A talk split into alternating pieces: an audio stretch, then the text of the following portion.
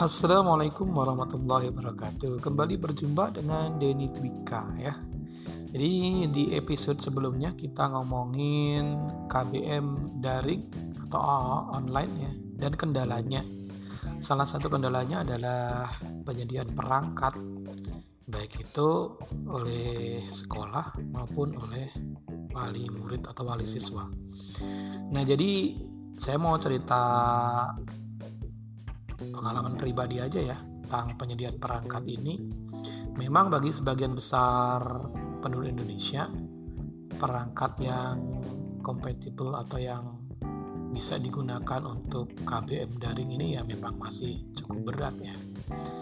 Kemarin sempat sih karena kebetulan saya juga sebagai guru juga wali siswa ini punya tanggung jawab untuk menyediakan dua HP bagi anak-anak saya yang satu di SMP atau di pondok itu yang satu di kelas 3 SD naik kelas 4 nah pas waktu nyari itu ya pengennya sih dapat yang terjangkau gitu nyari nyari second gitu.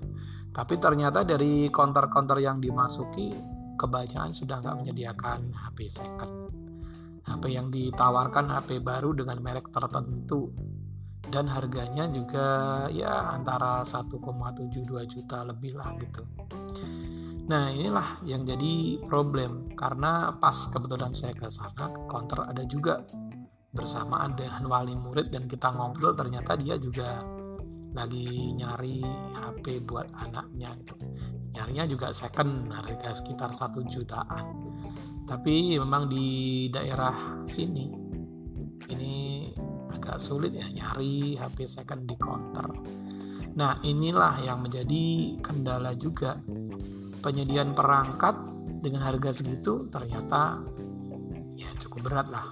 Apalagi kalau anaknya lebih dari satu. Ya, harus menyediakan dua atau anaknya tiga. Kadang-kadang emang nggak bisa gantian ya. Sulit gantian apalagi kalau kelasnya beda. Ya, yang satu kelas satu yang satu kelas 3 SMP gitu. Ya cukup sulit.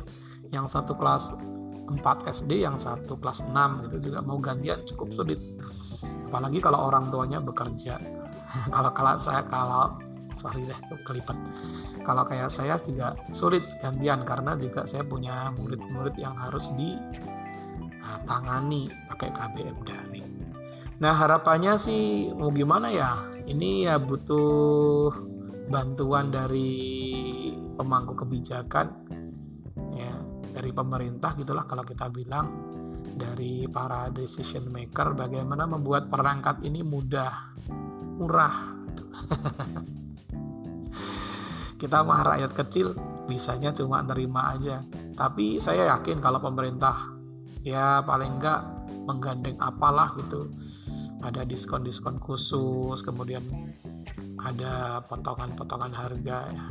Insya Allah ya bisalah itu jadi kendalanya kalau masalah perangkat cukup sulit bagi kita untuk menangani kecuali ada bantuan dari pemerintah mengenai harga dan pengadaan gadget atau HP ini gitu kalau ada pendapat yang lain dipersilahkan karena ini juga ya yang ngobrol-ngobrol ringan dan juga mungkin pengalaman pribadi Jumpa lagi di episode yang berikutnya.